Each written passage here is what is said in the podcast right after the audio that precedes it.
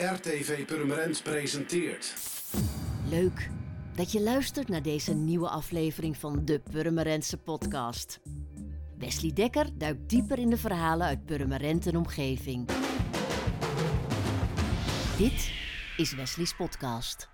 Ameland en Kleef, Uden en Lipstad, veel plaatsen hebben en hadden een speciale band met een buitenlandse plaats. Zo had Beemster veel contact met Studena en was Purmerend een partnerstad van Jiglava. Inmiddels bestaan deze banden niet meer, maar dat weerhield Jasper Achterberg er niet van om op onderzoek uit te gaan. Hij sprak voor een documentaire met betrokkenen en ging onlangs op reis naar Tsjechië. Ook de gast in deze podcast is Teun van Dam. Hij was van 1988 tot 2002 burgemeester van Purmerend en heeft de stedenband van dichtbij meegemaakt. Goedenavond. Goedenavond. Goedenavond. Jasper, waarom heb je je verdiept in deze stedenband? Uh, nou, ik heb ooit, hebben wij twee uh, Tsjechische meisjes over de vloer gehad, ook als uitwisseling uh, tussen Studena en Beemster. En ik dacht, wat zou er gebeuren eigenlijk als Purmerend en Beemster zo meteen samen gaan met de stedenband? Maar toen kwam ik erachter dat de stedenband al voorbij was. Dus ja, daar vroeg ik me niet zoveel meer over af. Maar toen ben ik eigenlijk gaan kijken hoe Jiglava en Purmerend, hoe zij die stedenband beleefd hebben, of dat op dezelfde manier is geweest als de Beemster. Maar die hebben nog veel intensiever uh, contact gehad. Dus uh, ik vond het allemaal leuk om uit te zoeken en uh, ben er juist meer over gaan opzoeken. En hoe was het voor Beemsterlingen in die tijd, hè? Die, die die uitwisseling hebben gedaan? Ja, mijn zus die heeft dus, is daarheen geweest naar Studena. En die twee meisjes zijn bij ons thuis geweest. En ik vond het heel leuk. Het was, het was een hele andere ervaring dan je normaal gewend bent als je zeg maar, op schoolreisje gaat. Dit, dit was toch iets heel anders met mensen die je niet kent. En dan moest je opeens toch vrienden worden in een andere taal. Dus ik vond het een hele leuke ervaring. Meneer Van Dam, waarom werd er een stedenband gecreëerd met Jiglava en niet met een andere plaats? Nou, er waren een heleboel Tsjechische gemeenten die na de omwenteling daar, die met een Nederlandse gemeente een vriendschapsverband wilden aangaan. En uh, toen hebben wij uh, een gezelschapje van een man of zes uh, zijn we gaan kijken naar drie plaatsen die, die in elk geval wilden. Het was Tabor, Colin en Jihlava. Uh, om te kijken dat we een plaats uitzochten die ongeveer dezelfde grootte had. En ook een beetje dezelfde structuur. Hè. Wij zagen dat Horen een stedenband was aangegaan met een echte industriestad. Nou, dat, dat werkt niet helemaal. En Haarlem met een klein dorp. Ja, dan kan je geen uh, voetbalclubs uh, enzovoort. Dus we hebben voor Jigleva gekozen die ongeveer dezelfde omvang had en die een buitengebied heeft dat lijkt op dat van uh, daar veel heuvelachtiger dan hier, maar wel agrarisch ook in, in heel veel opzichten. En nou, daar hebben we heel in de eerste, zeker de eerste tien jaar, heel nauwe contacten mee gehad. Want waar bestond dat contact vooral uit? Nou, dat was vooral een, een uitwisseling van, uh, van verenigen, club, muziek, uh, sport enzovoort. Maar ook hele praktische. We hebben geregeld dat er een, uh, een subsidie kwam voor de bosbouw of bomenbouw langs de snelweg daar. He, daar heeft de Nederlandse regering een bedrag voor gegeven. Maar ook Bouwfonds is bijvoorbeeld daar begonnen. Die heeft, heeft daar een, een wijkje gebouwd. En nou, dat was de eerste Nederlandse bedrijf eigenlijk die dat deed. Ik heb nog les gegeven, tussen aanhalingstekens, aan collega-burgemeesters daar. Die kwamen allemaal plotseling voor hele vreemde vraagstukken te staan. Die moesten, die gingen dingen verkopen, bedrijfjes en dingen. Maar dat deden ze vaak, ja, zo losweg wie het meeste boot, die kreeg het dan maar.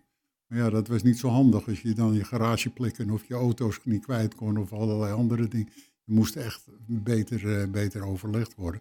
Nou, dat soort hele praktische dingen gebeurde ook. Dus in de eerste jaren, voor de eerste negen, tien jaar, ja, was er toch gemiddeld zo uh, 200, 300 man die vanuit Tsjechië hier kwam. En omgekeerd die daar naartoe gingen, in het, daar het Purmerendhuis. En na 3 of 94 hier het, uh, het hè? Mm -hmm. wat nog steeds leeg staat. En hoe vaak bent u zelf daar geweest? Oh, talloze keren. Ik, uh, in die tien jaar dus in elk geval wel één, twee keer per jaar. En daarna wat minder. En toen het echt de streep erdoor ging, in mijn gevoel was dat uh, vlak voor 2010. Daarna is het nog formeel wel blijven staan, omdat 2012 er, er een subsidie kwam van de EU daarover. Maar toen was het afgelopen. Toen uh, besteedde het permanent er ook geen stuiver meer aan. Maar toen ben ik nog, uh, nou zeker nog vier, vijf keer geweest in die periode daarna. Ik ben in 2011 als ereburger uh, benoemd van Jiglava. En omdat we het samen met de toenmalige burgemeester helemaal hadden opgezet. En ik had een, een privéchauffeur, zou ik bijna zeggen, maar Teun Prins van het bedrijf hier. Die, uh, die reed dan met me mee en dan gingen we samen met z'n tweeën daarheen. Dat wil zeggen, hij reed en ik zat ernaast enzovoort. En in het laatste zijn we twee, of 2019, dacht ik, ik moet het uit mijn hoofd zeggen. Toen heb ik hem voor het eerst in een vliegtuig gekregen, maar toen werden we uitgenodigd omdat er een heel groot feest van mijn steden was. En uh, daar werd ik dan als ereburger uitgenodigd, dus toen heeft Teun ook mee. Er waren er twee teunen, één met haar en één zonder haar, onderweg daar naartoe. Maar u zegt officieus is die band eigenlijk rond 2009, 2010 gestopt? Uh, ja, wat iets, maakt dat? Uh, ietsje, ietsje later. 2012, toen kwamen er hier ook in de raad uh, Ja. opstandelingen tegen. de vragen, ja. Maar u Bij, zegt, tot mijn verbazing hoor, want in de zin van dat het een heleboel geld zou kosten, nou Mm. dat viel best Het mee. zou vooral om het Jiglava-huis zijn gegaan, dat die eh, geld kostte. Ja, en dat, en dat staat nu nog leeg. Ja. Dus, eh Dus veel wat dat het betreft- niet gehad. Wat dat betreft, ik bedoel, de verhaal was toen, je kunt het voor 180 eh, euro verkopen of zoiets. Ja. Nou, het staat nog leeg, dus u zei net eigenlijk van ja, rond 2009, 2010 was het eigenlijk al niet veel meer. Waar, Nou, toen zakte het in. Toen, kijk, op een gegeven moment bleven er... Toen ik zelfs in, toen ik in 2019 nog in het Purmerendhuis kwam, dus twee jaar terug, toen zag ik nog in het, in het boek wat er ligt, zag ik nog dat er Purmerenders er nu een enkele keer kwamen. Dat is een hele uitzondering hoor, maar ja, dat, dat, dat zijn mensen die allemaal contacten privé hebben gelegd en gedaan en daar vrienden hebben enzovoort. Dus dat, dat gaat wel door, maar op een gegeven moment, ja, Tsjechië werd gewoon een westerse, st- eh, Jiglava werd gewoon een westerse stad. Ik bedoel, dat paste zich aan. Alle grote problemen hebben zich in die eerste tien jaar opgelost. Moet je voorstellen dat je een gemeente bent, je krijgt van de ene op de andere dag, moet je zien hoe je in een politiekorps komt. En dan liever niet de politieagenten die daarvoor voor, eh, voor Nee. het communistisch regime zaten. Je moet een rechterlijke macht instellen. Je krijgt 5000 rijkswoningen zomaar. Die moet je gaan, gaan exporteren, gaan doen. Daar wonen mensen in. Maar ik bedoel, jij moet nu verder ervoor zorgen. Dat doet de staat niet meer. Nou, dat is een heel proces, een hele procedure. Waarbij we ook hebben, soms even hebben kunnen helpen. Maar eh, nou, dat hebben ze vrij snel gedaan. Kijk, Tsjechië is natuurlijk toch, als je weer teruggaat. Dan was het een, vroeger ook een westerse stad. En het was de, de, de bevolking van, eh van waren Duits. Het heette Iglau toen die stad, maar dat was Duits. En dat, die, dat is nog een hele nare episode geweest na de oorlog, want die Duitsers werden eruit gegooid door de Tsjechen. Maar de woningen werden bezet door, eh, door mensen nou ja, die niet zo makkelijk met de huizen omgingen. Dus dat gaf nog een heleboel eh, gedoe. Maar mm, het gekke is, en toch weer prachtig ergens, dat is, nu is dat plaats waar de meeste van die Duitsers naartoe gingen in Duitsland, is nu zustergemeente van Jiglava. Ja. en Jasper, jij bent eh, voor een documentaire van RTV Purmerend naar Jiglava geweest. Mhm. Eh, wat viel je daar op? Maar ja, eigenlijk wat net benoemd is, alles is eigenlijk helemaal... Nou ja, je ziet eigenlijk geen Oostblok er meer in. Het is echt een westerse plek geworden. En ook, we hebben met de burgemeester daar gesproken. Nou ja, het probleem dat ze daar nu hebben is eigenlijk de groei van de mensen. Dus eh, er komen steeds meer mensen, ze zijn op zoek naar nou, meer woningen. Hoe kunnen ze zichzelf laten zien aan de wereld? Dus ook naar toerisme en dat soort dingen. Dus ja, eigenlijk alle problemen die het Oostblok met zich meebrengt, die zijn nu weg. En ze zijn nou... eh, nou ja, oplossingen voor andere problemen aan het zoeken die wij hier ook hebben. Zoals woningbouw. En we hadden, Hela- helaas hebben ze ook nog steeds het lelijke blok, zeker, hè, op Ja, het plein. ja, ze hebben, ja en dat de mensen zijn er niet zo blij mee inderdaad. Die eh, willen het ook liever weg. Maar ja, wij hebben het Willem Eggert hier ook in de binnenstad staan. Dus, net zeggen, sommigen wisselen het uit met het echt Ja. centrum. en we hadden het net al even kort over het Purmerendhuis. En wat is er verder nog in Jiglava waarbij je denkt van, oh ja, die band met Purmerend was er daadwerkelijk? Nou, we zijn bij het Purmerendhuis geweest en ik had op Google Maps had ik gekeken hoe dat eruit zag. En daar zag ik nog de plaketten van Purmerend zitten. Maar ja, die was helaas weg, dus we zijn er wel heen geweest, maar je kon het eigenlijk niet meer herkennen. En eh, nou ja, we zijn ook nog bij de Purmerendska Ulice geweest. En dat is dus de Purmerendstraat. Dus ze hebben wel een straat naar ons vernoemd in Jiglava. En eh, nou ja, er staan wel allemaal eh, villa's langs. Dus het is ook niet de minste straat in een achterafhoekje.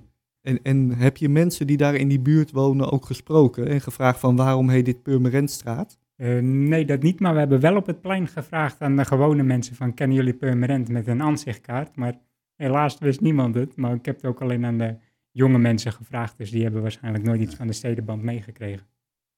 En hoe praat de, de huidige burgemeester van Jiglava over de stedenband van toen?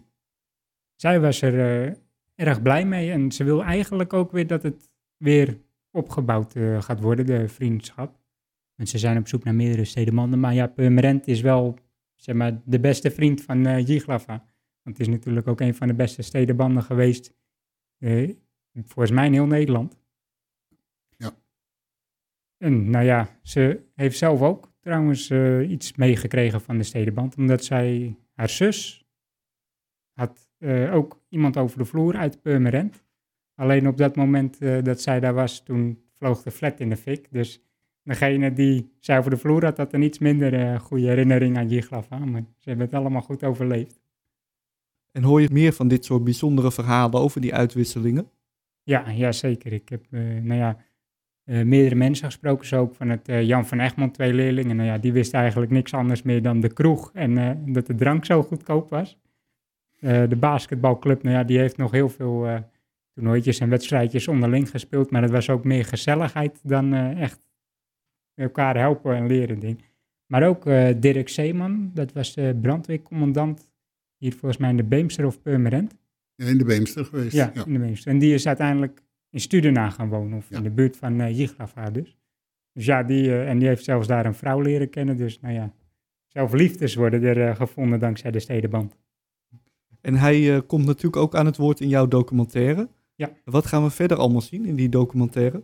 Eh, nou ja, we gaan dus langs bij Dirk Zeeman. We gaan alle bezienswaardigheden van Jiglava bekijken. En dat zijn er best een hoop. Met eh, nou ja, muur en ondergrondse gangen. Van alles over geschiedenis. nog ook. Ja. De burgemeester gaan we spreken, de gewone mensen en het Tsjechische eten. Maar Tsjechische eten is eigenlijk ook gewoon een beetje westers met biefstuk en pizza. Dus ja, het is niet goulash of noedels.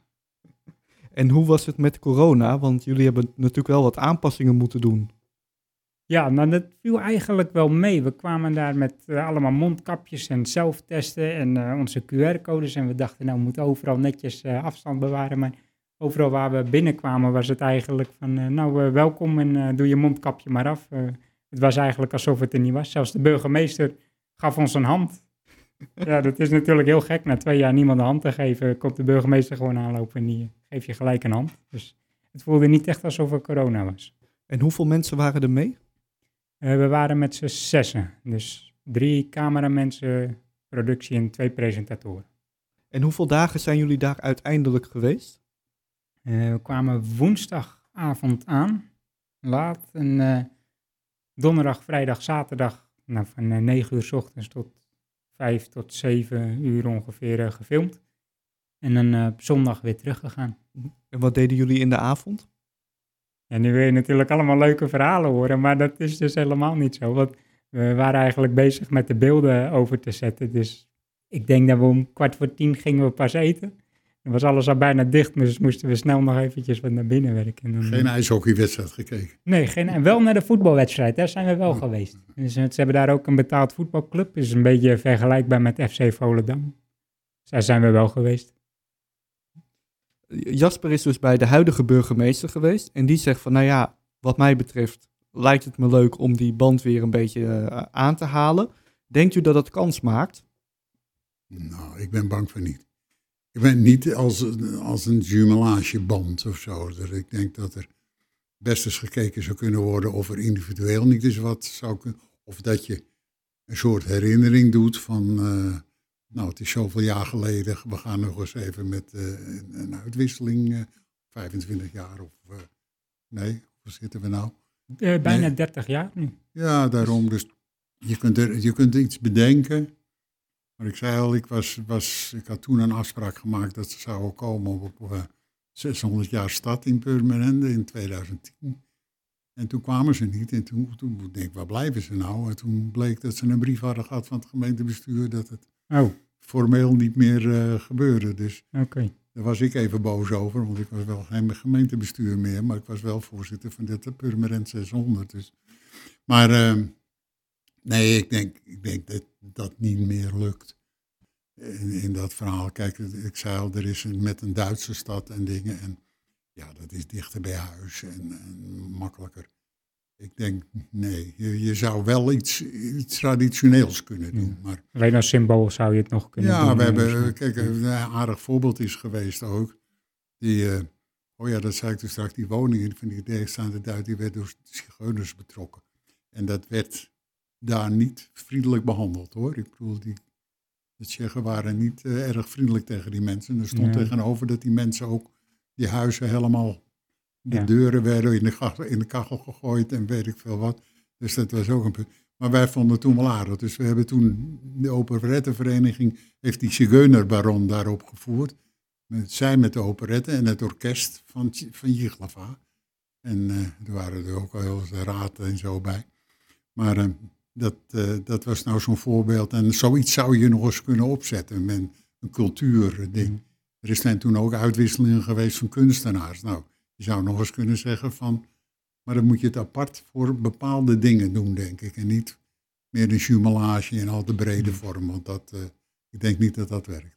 Maar die Roma's, eh, wat u nu zegt, daar hebben ze nog steeds last van op dit moment. Er lopen daar kleine kinderen over het plein en die zijn echt heel brutaal. Die komen gewoon naar je toe en die ja, gaan een beetje tegen je lopen schreeuwen. Dat is nog steeds, eh, is dat... Ja, dat, soort van dat probleem. was toen, toen ook al zo. Ze, ze hebben dat nooit opgevangen natuurlijk. Hè. Nee. Dat- ze hebben het, eh, en ja, en dat ging niet helemaal goed. Ja. Wat ik zei, met- die bewoningen en dat soort dingen. Maar ja, er was ook nog geen structuur. Er was niks van, van ook, ook wat ik net zei, in politie niet, in dingen niet. Dus je had ook, ook sociaal nog geen structuur om dat op te vangen. Ja, en dan is het, dan blijft het uit de hand. Ja. Dan blijft de weerstand van de bevolking blijft er op een bepaald moment. En dan gaat dat mis. Nou, de politie is nu wel goed hoor. Die stond daar op het plein eh, Ja. allemaal te bewaken en te doen. Niet op de coronaregels, maar wel gewoon eh, voor overlast en andere dingen. Ja. En een stedenband met bijvoorbeeld ehm, een, een stad in een ander ontwikkelingsland, hè? een huidig ontwikkelingsland, bijvoorbeeld in Afrika of ergens anders, zou dat wel kans maken nu? Nee, ik denk het ook. Dat, dat is weer, eh, dan, dan wordt het een uitwisseling van, van deskundigen en van dingen. Ik bedoel, eh, hier na deze uitwisseling, daar komt Jantje en Pietje, die, die konden dat allemaal doen. Je kon er ook met de auto komen Ja. en je bent er in een, je bent er in een dag. Eh, dingen, mensen denken dat het heel ver weg is, maar of je naar München rijdt of naar, eh, naar die Praag, dat maakt niet zoveel veel uit in het geheel. Dus dat, dat kan, maar als je eh, naar zo'n land gaat, nee, dat, dat lukt niet. Om er een, een, een jumelage mee te maken, dan, dan kun je alleen acties van zeggen van nou, wij willen die plaats steunen met allerlei zaken, maar dan wordt het een, een uitwisseling van deskundigen en van dingen. Maar ik zie niet een, een jumelage zoals wij die gewend zijn. Dus eigenlijk het concept stedenband is eigenlijk niet meer haalbaar. Nee, dat, nou, maar dat zie je overal hoor. Ik, ik, ik ben 18 jaar wethouder in, eh, in Zaanda- Zaandam en Zaanstad geweest. Zaandam had allemaal broedersteden. Dat waren de voorsteden van, van de hoofdsteden in, eh, in, eh, in Europa. Dat was na de oorlog. Die, dat verband ontstond met Duitsland, met Hammersmith van Londen en met nou, Parijs. Al die voorsteden waren, die werden opgenomen. Nou, dat is toen ook na een jaar of tien is gezegd, nou sloes jongens, nou is het afgelopen, nou doen we het niet meer. Dan, want ja, mensen pakken voor vier, vier tientjes een vliegtuig naar Parijs. Ja, toch wa- waanzinnig, maar het gebeurt wel. Ja. En wat vind jij ervan, van het concept stedenband in 2021? Nou, het idee is natuurlijk heel goed, omdat het als een soort van ontwikkelingshulp is geweest. En ik denk dat het nog steeds kan. Als je bijvoorbeeld in Afrika of zo doet, maar dan zou het op een andere manier moeten, omdat je inderdaad met het vliegtuig erheen moet. En niet zoals eh, met een gewone bus eventjes naartoe rijdt. Ik denk dat het nog wel kan, maar dat het op een andere manier moet. En daar zou je ook voor willen pleiten. Ja, ja ik wel. Ik zou eh, graag nog meer stedenbanden in Purmerend zien. Maar ja, ik ga er helaas niet over, dus we kunnen het alleen eh, misschien met de burgerinitiatieven aanvragen. En wat de documentaire betreft, vorige week zijn jullie geweest. Mhm. Eh, hoe staat het nu met die documentaire? Ja, ik moet nu van alles nog editen, dus ik ben eh, er hard aan bezig. Ik werk nou eh, s s'nachts, want dan is het eh, lekker rustig. Dus ik hoop dat het eh, binnen twee weken af is, maar het kan zomaar zijn dat het wat langer duurt, omdat het echt heel veel eh, werk is. En wat is de deadline? Wanneer moeten we het op tv kunnen zien? Ik hoop 27 september, en daar ben ik ook hard aan bezig om dat te halen, maar ik durf niet met zekerheid te zeggen dat ik het ga redden. Via waar kunnen we zien wanneer die documentaire uitgezonden wordt? Eh, hij komt natuurlijk eh, op tv. Hij komt op de website van RTV Permanent. En we gaan hem op Facebook plaatsen. En bij Facebook komt er ook een actie dat als mensen iemand taggen en daarna delen, dan kunnen ze een waardebon winnen van 250 euro om een reis te maken naar Jiglava. Mooi. Kijk. Dus ja, ik hoop dat we meer fans krijgen van Jiglava hier in Permanent. Hebben ze trouwens ook een lokale omroep of iets in Jiglava? Bedenk ik, Ik, nu. ik heb het eh, proberen uit te zoeken, maar ik ben er niet helemaal achter. Je hebt twee soorten omroepen. Eentje heet R1J, dus dat zou Radio Jiglava zijn. En je hebt Visochina TV, maar dat is dan van de hele regio. Maar de kwaliteit was niet helemaal dat ik dacht van, eh, dit is echt een hele goede omroep. Nou, misschien is dat nog een, eh, een leuke band die we kunnen aanhalen de komende jaren. Wij erheen gaan, gaan we ze leren hoe tv Ja, maken precies. Dan gaan wij er even met z'n tweeën naartoe. Ja. Dan maken we daar ook een documentaire over. Ja, Ehm, ja, bedankt voor jullie verhaal. Graag gedaan. En volgende week weer een nieuw onderwerp in de podcast die dieper in lokale verhalen duikt. Een fijne dag.